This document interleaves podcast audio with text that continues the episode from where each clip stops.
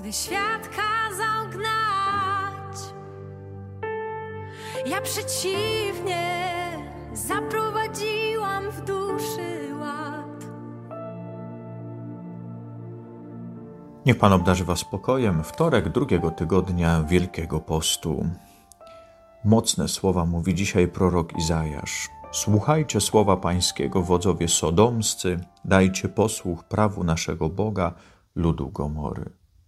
No byśmy powiedzieli, ale on do kogo tak naprawdę mówi, skoro Sodoma i Gomora już dawno zostały przez Pana Boga zburzone? Do kogo zatem kieruje te słowa? Tak naprawdę te słowa kieruje do Judy i do Izraela, tylko w ten sposób ich określa, bo widzi, że są niewierni, bo grzeszą, bo sprzeniewierzyli się Panu Bogu. Więc są jak mieszkańcy Sodomy i Gomory. I do nich mówi, ale zanim właśnie stanie się z nimi jak Sodomą i Gomorą, to Bóg ich ostrzega. Podobnie trochę jak było z mieszkańcami Niniwy. Gdyby Bóg chciał ich zniszczyć od razu, to by to zrobił. Ale dał im czas. I tak samo tutaj tymi słowami Izajasz próbuje nawrócić Izraela i powiedzieć: Możecie skończyć jak Sodoma i Gomora, bo już tak żyjecie, ale jest nadzieja. Obmyjcie się, oczyśćcie, usuńcie zło uczynków waszych sprzed moich oczu, przestańcie czynić zło, zaprawiajcie się w dobru, troszcie się o sprawiedliwość, wspomagajcie uciśnionego, oddajcie słuszność sierocie, w obronie wdowy wstawajcie. Czyli otrzymują konkretne wskazówki, co to znaczy się nawrócić, jak mają się nawrócić i jak mają postępować, żeby Sodoma i Gomora nie zostały zniszczone. Ale mówiłem, że w przypadku właśnie nawrócenia jest tak, że Bóg daje czas, daje możliwość. Do Niniwy idzie Jonasz i mówi jeszcze 40 dni, a Niniwa zostanie zniszczona. A kto się wstawiał za Sodomą i Gomorą? Czy oni mieli jakiś czas? Myślę, że pamiętacie, że za Sodomą i Gomorą wstawiał się Abraham, ten, który targował się z Bogiem, i myślę sobie, że w jakiś sposób on dzisiaj może nas poprowadzić przez to słowo, skoro mówimy o Sodomie, skoro mówimy o Gomorze. I Bóg do czego nas dzisiaj zachęca? Chodźcie i spór ze mną wiedźcie.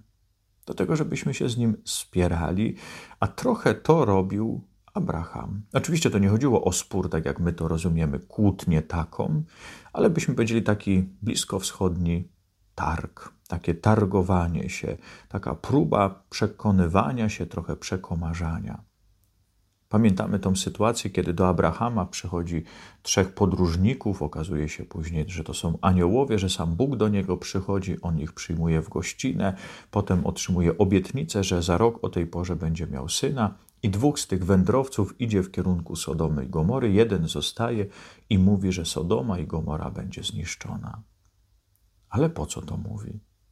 Gdyby po prostu miała zostać zniszczona, to by się to stało i na pewno Abraham by o tym usłyszał i pewnie by to poczuł. Ten deszcz ognia i siarki na pewno nie przeszedłby niezauważony i na pewno byłby odczuwalny. Ale podobnie właśnie jak w różnych momentach Bóg mówi po to, żeby jeszcze zawalczyć, po to, żeby jeszcze się nawrócić. I faktycznie Abraham zaczyna się targować i mówi, a gdyby było tam pięćdziesięciu sprawiedliwych, czy byś, Panie, zniszczył to? I zaczyna tak powoli o pięć osób schodzić, mówić, a może czterdzieści pięć, a może czterdzieści. I co ciekawe, to jest właśnie ten spór, do którego dzisiaj zaprasza nas Bóg przez Izajasza. Żebyśmy tak od razu nie machnęli ręką na siebie i tak siebie przekreślili, żebyśmy od razu nie machnęli ręką na innych i tak łatwo ich przekreślili. Ale właśnie ten dialog, Panie Boże, a może znajdziesz tam trzydziestu sprawiedliwych, trzydziestu pięciu. W Sodomie i Gomorze się nie udało, ale zobaczcie, że Pan Bóg wystawia się na taki dialog. I dzisiaj chcę, abyśmy przyszli i mówili: Panie Boże, Ty znasz mnie, wiesz dlaczego upadam, wiesz dlaczego tak grzeszę, wiesz skąd te niewierności, te niedoskonałości, dlaczego nie potrafię wytrwać wielu postanowieniach, które sam sobie nakładam i wiem, że są dobre. Ty to wszystko wiesz. Dzisiaj taki chcę przyjść do Ciebie i to Ci chcę powiedzieć. Chcę się wstawiać również za innych, właśnie nie sądzić, nie potępiać, jak słyszeliśmy to w wczorajszej Ewangelii, do czego zachęcał nas Chrystus.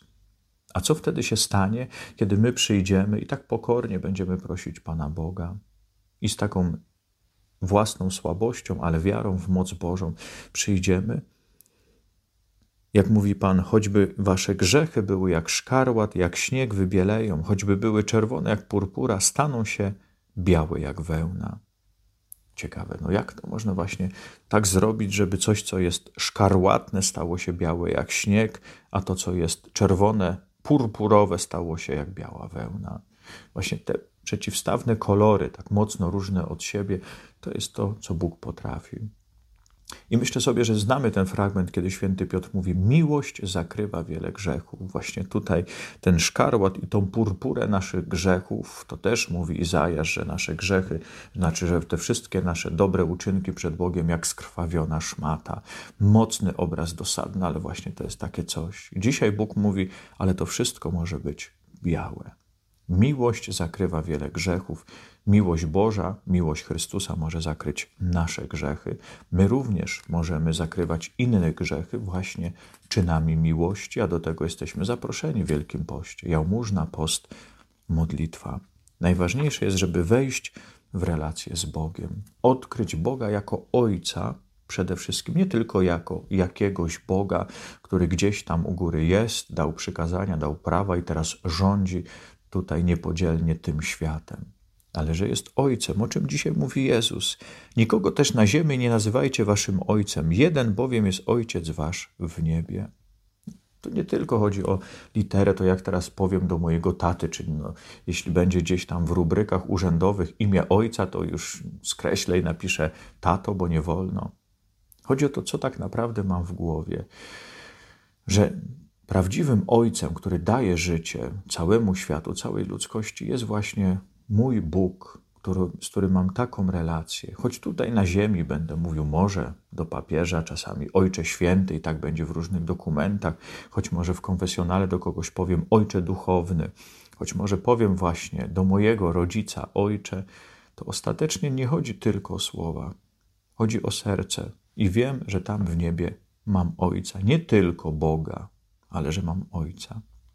I dalej ta relacja prowadzi mnie do Jezusa Chrystusa, bo Bóg Ojciec daje mi Jezusa Chrystusa jako rabbiego, czyli nauczyciela, czyli tego, który będzie mnie uczył o Ojcu, który będzie mnie uczył o życiu, który będzie mnie prowadził do życia wiecznego. I tu jest też ważne, żebyśmy się zatrzymali na tym, a wy nie pozwalajcie nazywać się rabbi, albowiem jeden jest wasz nauczyciel, a wszyscy jesteśmy braćmi. Najważniejsze, żebyśmy tak mocno trzymali się Chrystusa. Tu mamy różnych nauczycieli, tych szkolnych, ale też i religijnych. Lubimy tego księdza, tamtego kapłana, tą siostrę zakonną. Lubimy tego lidera, ten ktoś jest dla mnie autorytetem. W porządku. Ale pamiętajmy, że oni wszyscy mogą zachwiać jakąś nasze zaufanie, mogą nie sprostać naszym oczekiwaniom, sami mogą gdzieś odejść od wiary. I co wtedy? Może tak często i tak jest, że jakiś ksiądz może coś zrobić, coś powiedzieć i powiemy koniec. I co zrezygnuję z wiary w Boga, stracę życie wieczne? Dlatego Chrystus mówi: Jeden jest wasz nauczyciel. On jest tym nauczycielem. Jego się trzymajmy, Jego słuchajmy, On nas nigdy nie zawiedzie. Korzystajmy z tych pomocy tutaj, które otrzymujemy. Korzystajmy tutaj z mądrości i wiary innych ludzi, ale opierajmy się tylko na tym naszym największym nauczycielu, którym jest Jezus Chrystus i na Ojcu naszym, który jest w niebie. Pan z wami, niech was błogosławi Bóg Wszechmogący, Ojciec i Syn i Duch Święty. Naucz mnie liczyć moje dni, bo chcę być mądra